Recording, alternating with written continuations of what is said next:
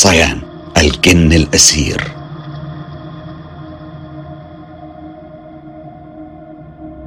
اليوم كان يوم جمعة. كنت بجمع أوراقي وماشي من المكتب بستعد عشان أروح. لما وصلني إشعار على موبايلي. في العادة وقت نهاية يوم عمل في لندن ما بحاولش أبص في أي إشعارات. لأني بكون أنهيت اليوم ومستني اللحظة اللي هروح فيها علشان أرتاح وأرمي كل عناء اليوم ومشاكله ورايا. لكن لسبب مش لاقي له تفسير. يمكن كان حب فضول. قلت أبص بصة سريعة وأشوف مين. كانت صيان. للحظة وقفت محتار. أستنى لما أروح ولا أفتح الرسالة دلوقتي؟ في التوقيت ده كانت حلقات صيان توقفت تماما. بعد إعلانها انسحابها نتيجة بعض التصرفات الصبيانية اللي قام بيها بعضهم. وده كان سبب تاني خلاني أسيب كل حاجة في إيدي وأقعد على كرسي المكتب وأفتح الرسالة. اللي كانت مكونة من سطرين اتنين بيقولوا حسام إحنا أقوى منهم. أنا جاهزة أحكي باقي حكايتي. بداية جديدة وقصص مثيرة غامضة وغريبة هتكون ملامح الموسم الجديد من صيان. الشيء الوحيد اللي هيختلف عن الموسم الأول هو إن إحنا اخترنا نمشي الطريق الصعب والطويل.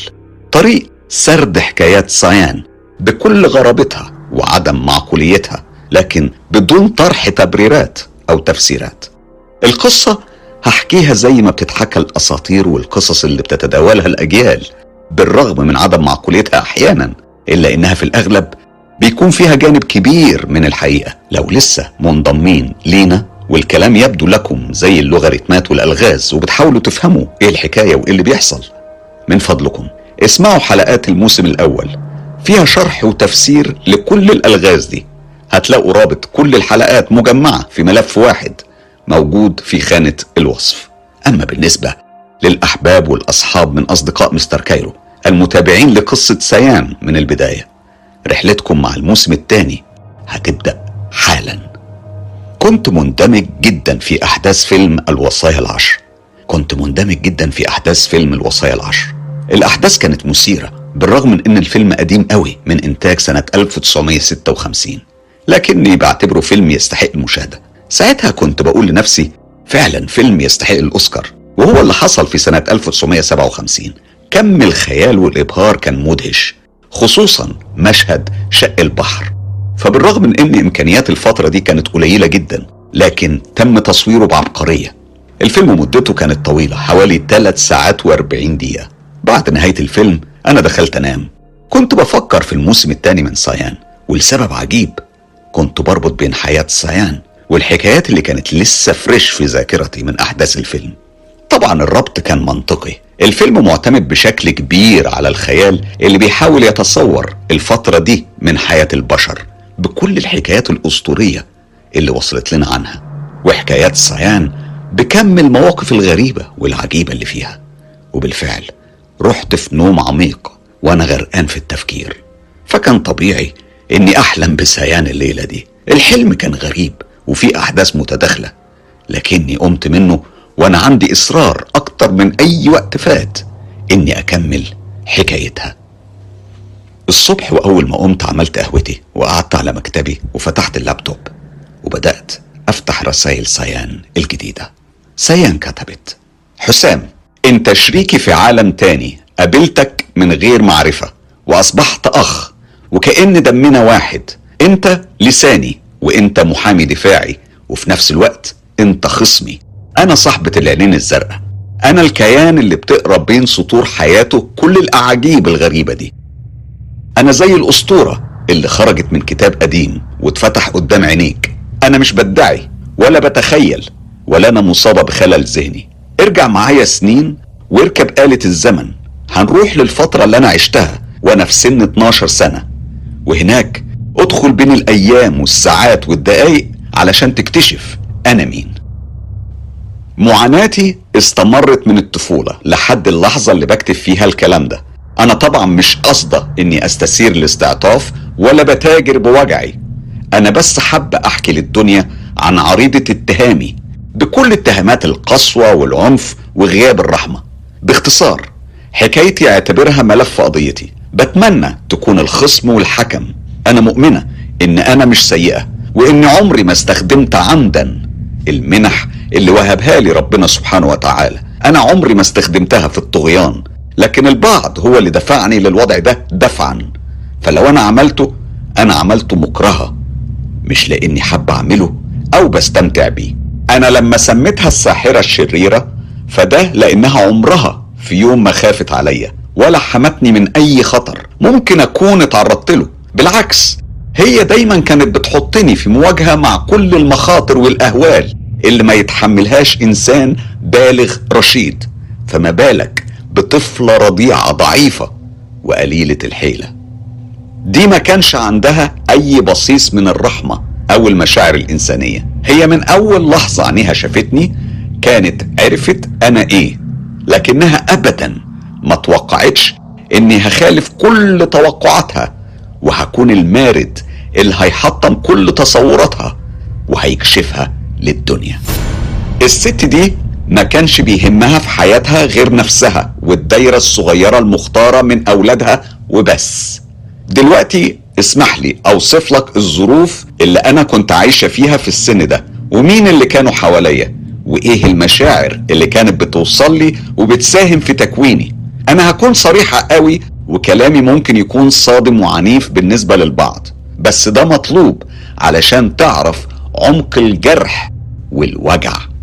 أنا كنت مقيمة بشكل مستمر في بيت البائسة دي غصب عني ومش محبة. والسبب كان إن أمي رحمة الله سبحانه وتعالى عليها كانت متعلقة بيها جدا. والمصيبة إن أمي حتى لو كانت شافت بعينيها الحقيقة برضه مستحيل كانت تصدق الصورة الحقيقية. اللي البائسة دي كانت بتخبيها ورا قناع غليظ اتصنع على مدار سنين طويلة. جدي اللي كان لواء سابق في الجيش كان هو كمان فظ وقاسي القلب وما بيهتمش غير بنفسه. أنا ما أعرفش هو كان بيكرهني بتأثير من البائسة ولا كانت مسألة فطرية. جدتي كان لها خمس إخوات اتنين رجالة وثلاث ستات. الحقيقة أهل أمي كلهم من أصحاب المال والنفوذ بدون استثناءات. واحد منهم كان مركزه كبير جدا في مؤسسة مهمة وحيوية في الدولة. بالنسبة لخال المرحومة فكان برغم الغنى الفاحش والنفوذ إلا إنه كان بخيل ومرتشي بيقبل الحرام مع إنه مش محتاج. ده كان عنده قدرة إنه يصرف على قرية كاملة ولسه كان هيبقى عنده فلوس. عموما ده مش مهم. اللي بحاول أقوله إنهم ما كانوش ملايكة وكلهم بلا استثناء كانوا بيكرهوني. مش عارفة ده من كرههم لعيلة والدي لأنه كان أقل من مستواهم تقريبا. تخيل طفلة صغيرة دايما مهملة ومش بس إهمال. دول كانوا بيبعدوني عن تجمعاتهم بكل قسوة وجفاء.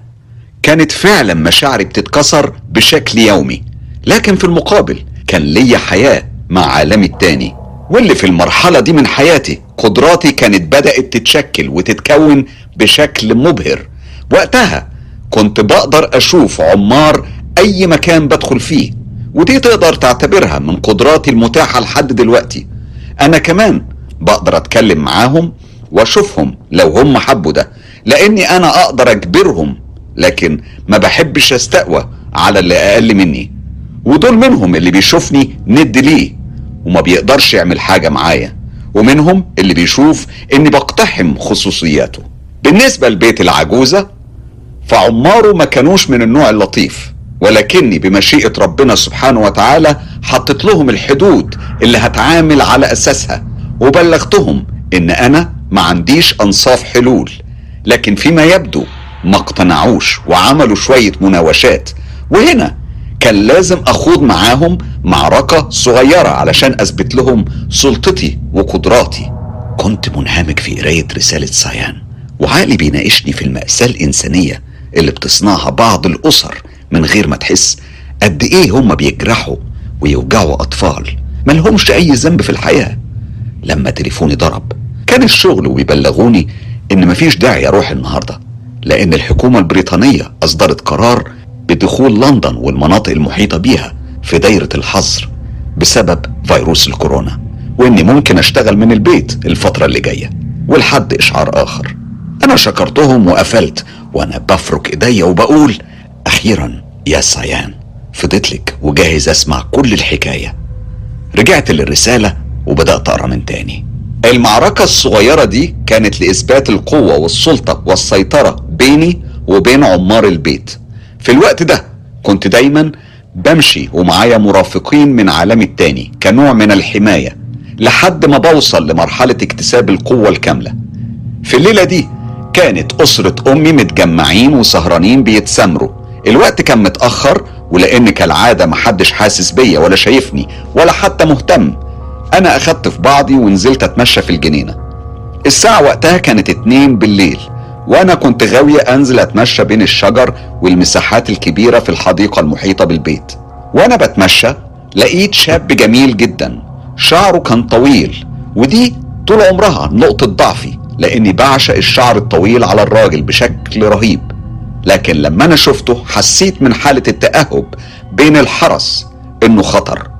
فقلت لهم ما يتدخلوش ويسيبوني أنا أتصرف. ولو احتجت مساعدة أنا هناديهم.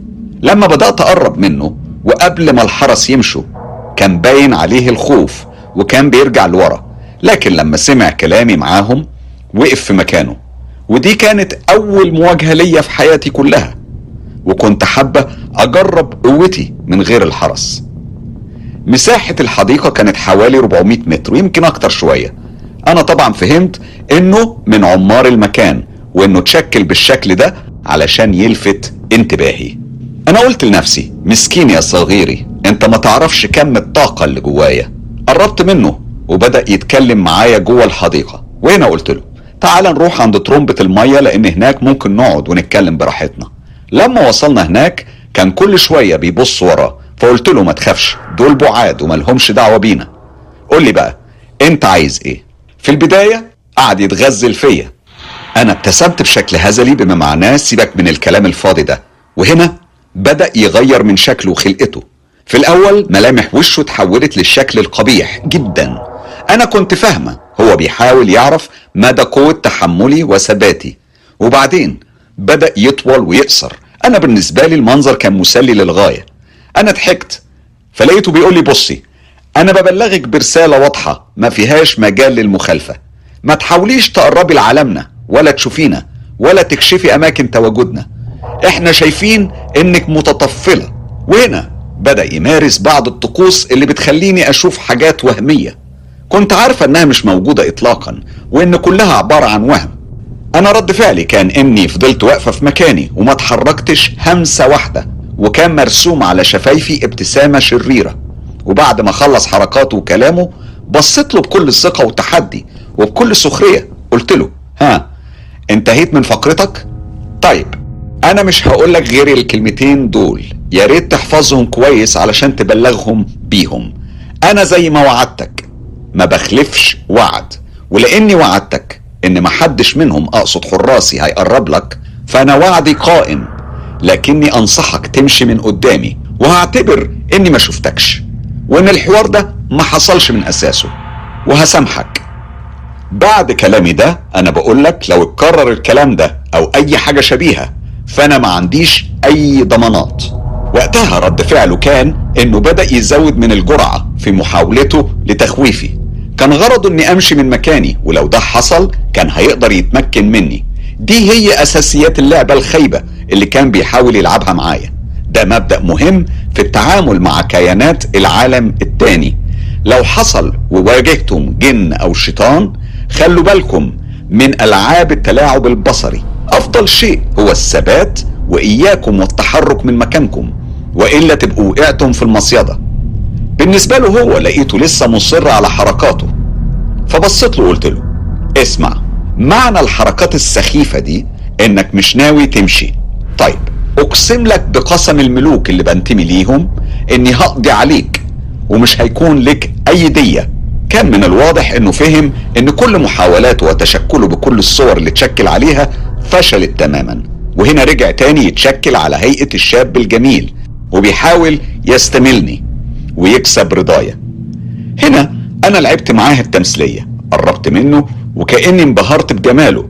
عيني كانت في عينيه وكنت وقتها بقرأ قسم يمنعه إنه يقدر يتشكل من تاني. وهنا هو فهم إنه مش قادر يتشكل وبصلي بخوف كان بيحاول يكتمه جواه. وهنا مديت دراعي وإيديا وحطيتهم حوالين رقبته. المنظر كان يبدو كأنه مشهد رومانسي.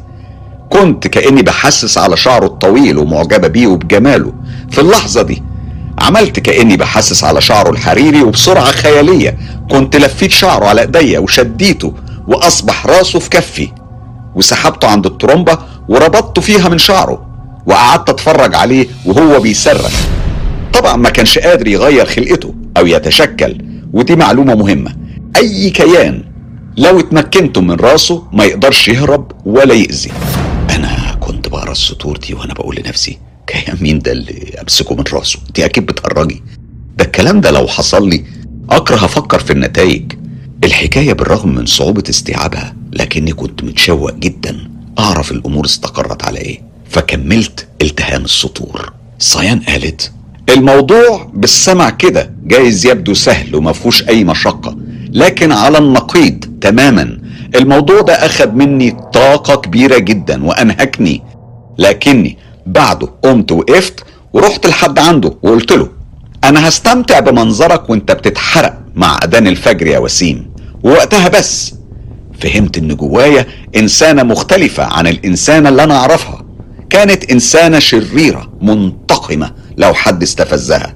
خلال ثواني وعلى صوت صريخه وصرخاته كانت مجموعة من عمار البيت اللي بينتمي ليهم الكيان ده كانوا حضروا لكنهم ما قدروش يقربوا لأن حراسي كانوا متواجدين وطبعا ما كانش فيه مقارنة في تفاوت القوى الواضح وارتفاع الرتب.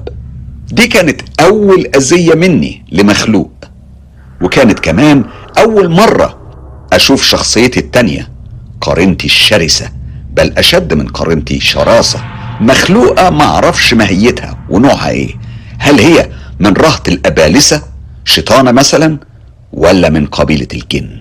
ولا المخلوقة دي هي برضو أنا لكن الجزء اللي بينتمي للعالم التاني. معقولة دي تكون نص التاني؟ أكيد زمانك بتفكر في كل الاحتمالات دي زي ما أنا فكرت يا حسام. الابتسامة اترسمت على وشي وأنا بقول لنفسي يا سيان أنت ولا اللي بيقرأ أفكاري. بس لو تعرفي بقى أنا بفكر في إيه مش هيعجبك كلامي. أنا شايف إن خيالك خصب بشكل رهيب. أنت ممكن يا بنتي تكتبي روايات تضرب قصص Lord of the Rings وهاري بوتر في مقتل. بس هنا صوت صغير جوايا كان بيهمس. ماشي ماشي. كل ده جميل يا هولمز طيب بفرض إن هو حقيقي وحصل فعلا وده احتمال على فكرة كبير. نسبته مش أقل من خمسين في المية. هيكون إيه رد فعلك؟ بصراحة أنا ما حبيتش أفكر في الاحتمالية دي ودفنت الصوت ده قبل ما يعلى ويسيطر عليا ورجعت أكمل قراية باقي الحكاية. صدمتي كانت رهيبة وأنا بقلب الصفحة لما لقيت أول سطر بيقول بص يا حسام ما تسبقش الأحداث. كل حاجة عايز تعرفها هتعرفها في ميعادها وكل دليل ملموس ومادي هيكون بين إيديك. المسألة مسألة وقت. أنا لسه بجهزك لاستقباله. اسمح لي أكمل لك باقي اللي حصل في الليلة دي. الوضع فضل على الحال ده لحد قبل أذان الفجر بحوالي نص ساعة. ما تنساش إني قريت عليه العهد اللي بمجرد ما بقراه بيسقط من علي أي تعهد حتى لو تم قتله فهو كان تم تحذيره بشكل واضح. أنا كنت مستغربة نفسي جدا لأني كنت مستمتعة ومتلذذة بخوفه وبصريخه. أنا لازم أعترف إني أنا ما كنتش أنا في الوقت ده. ومع ذلك في لحظة لقيتني بفكر نفسي بإن أنا ليا قلب بيرحم وبإن أنا ليا نفس داقت مر القسوة والألم والوجع. وإني أقدر أذي لكن ممكن أعفو. وفي اللحظة دي أنا افتكرت العجوز الطيب صاحب اللحية البيضة وإيديه المنهكة بالتجاعيد واللي البهاق اداها جمال واحترام وإجلال. وبدأت أحس بنفسي بيضيق وجسمي بيرتعش وكأن كهرباء عالية ضربت فيا ولقيتني بترمى على الأرض.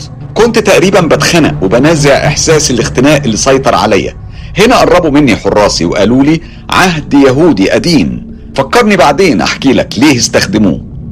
حالتي كانت مزرية بمعنى الكلمة. هم كانوا فاهمين إيه اللي حصل لي. لكني ولما انتهت الحالة دي قعدت أبص حواليا وكأني لسه فايقة من حالة غيبوبة. بعدها كنت أخدت قراري إني أفك الوسيم وأديله حريته. هنا إسحاق اتدخل وقال لي اتأكدي من اللي هتعمليه لأن الغدر ما بيجيش غير من اللي بتديهم ظهرك وأمنت لهم. القاعدة دي فضلت ملازماني من يومها ولحد يومنا ده. ومع الأيام والفصول اللي جاية في حكايتي هتعرف قد إيه إسحاق كان صادق وكان بيحاول يعرفني باللي هيحصل لكن فيما يبدو أنا ما فهمتش. أنا رحت لصاحب الشعر الحريري ولفيت شعره على إيدي وقلت له اسمع أنا هعفو عنك لوجه الله سبحانه وتعالى مع إني أمام الله لو قتلتك مش هتحاسب لأنك أنت اللي بدأت وكنت بتحاول تقتلني. بعدها قريت العهد عليهم وقلت لهم كل منا في حاله لكن بشرط ما تأذوش حد في البيت ده أبدا. هنا هو اتكلم وقال إحنا عمرنا ما بدأنا بالأذية إلا لما اتضايقنا من تصرفات فلانة. كان بيقصد جدتي.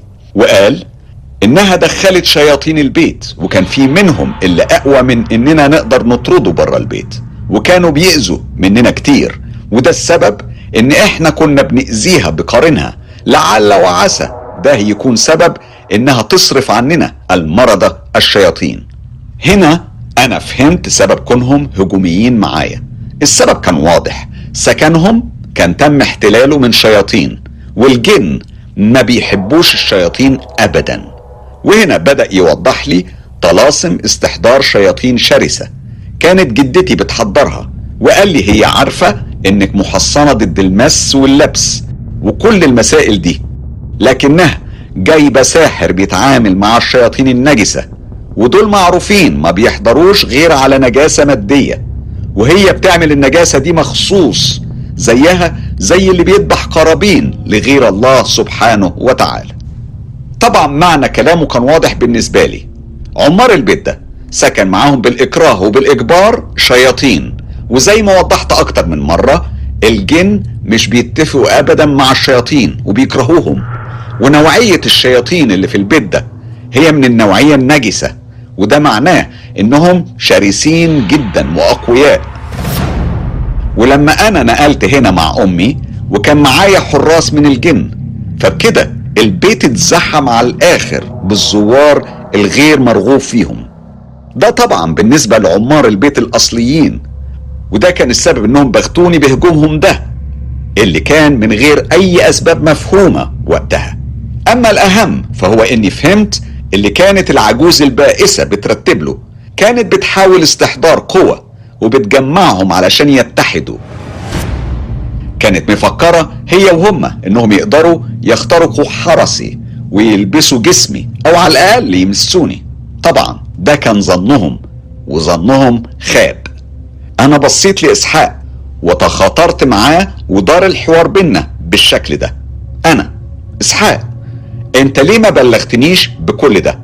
إسحاق لأني اتأمرت بكده. أنا يعني أنتم أجبرتوهم على الوضع اللي هم كانوا فيه وتسببتم في أذيتهم فبقيت أنا السبب اللي علشانه هي استحضرت كل ده. وأنا كمان السبب إن الشياطين دول سيطروا على عمار البيت الأصليين. كده وضحت الصورة وفهمت سبب كره عمار البيت ليا وما أقدرش ألومهم. إسحاق مش مسموح لك تتدخلي في المواضيع دي وكمان مش مسموح لك تعرفي تفاصيل زيادة. أنا دلوقتي أنت هتسكت وهتنفذ كل اللي هأمرك بيه وده كان أول أمر أخلفه وطبعا تحملت تبعاته من عقاب قاسي من عائلتي الملكية بسبب عدم الطاعة. في اللحظة دي أنا رجعت للمتشكل الوسيم وقلت له هو الساحر ده عارف وفاهم إن المقصودة؟ فرد عليا وقال أيوه. فقلت له اثبت لي الكلام ده. أنا مش عايز أظلم حد. في اللحظة دي هو خلاني أشوف الجدة وهي رايحة للساحر وبتطلب منه المساعدة. وكانت بتفكره بالزيارة اللي مر عليها 12 سنة. طبعا دلوقتي أنت أكيد عرفت مين هو الساحر ده. أيوه بالظبط. هو نفس الساحر المشهور اللي كانت أخدتني ليه بعد ولادتي علشان تتأكد من انتمائي لعالم الجن. وهو نفسه الساحر اللي أخفى أثرها لما رماها بالرمل على عبايتها.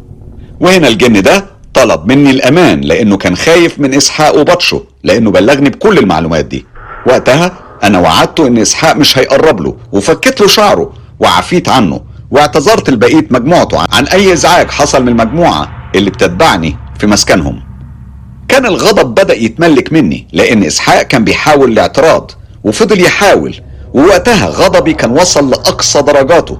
ومرة تانية بدأت أحس بالاختناق وبدأ يظهر الكيان التاني اللي جوايا اللي بفضل ما اتكلمش عنه لأنه كيان شرير وشرس بيكون صعب قوي السيطرة عليه. وحسيت بالاختناق وحسيت بنفسي بقع على الأرض وبمسك رقبتي بإيديا. وقتها أنا ما كنتش عارفة إيه ده وليه وإزاي أستخدم وأسيطر على القوة دي.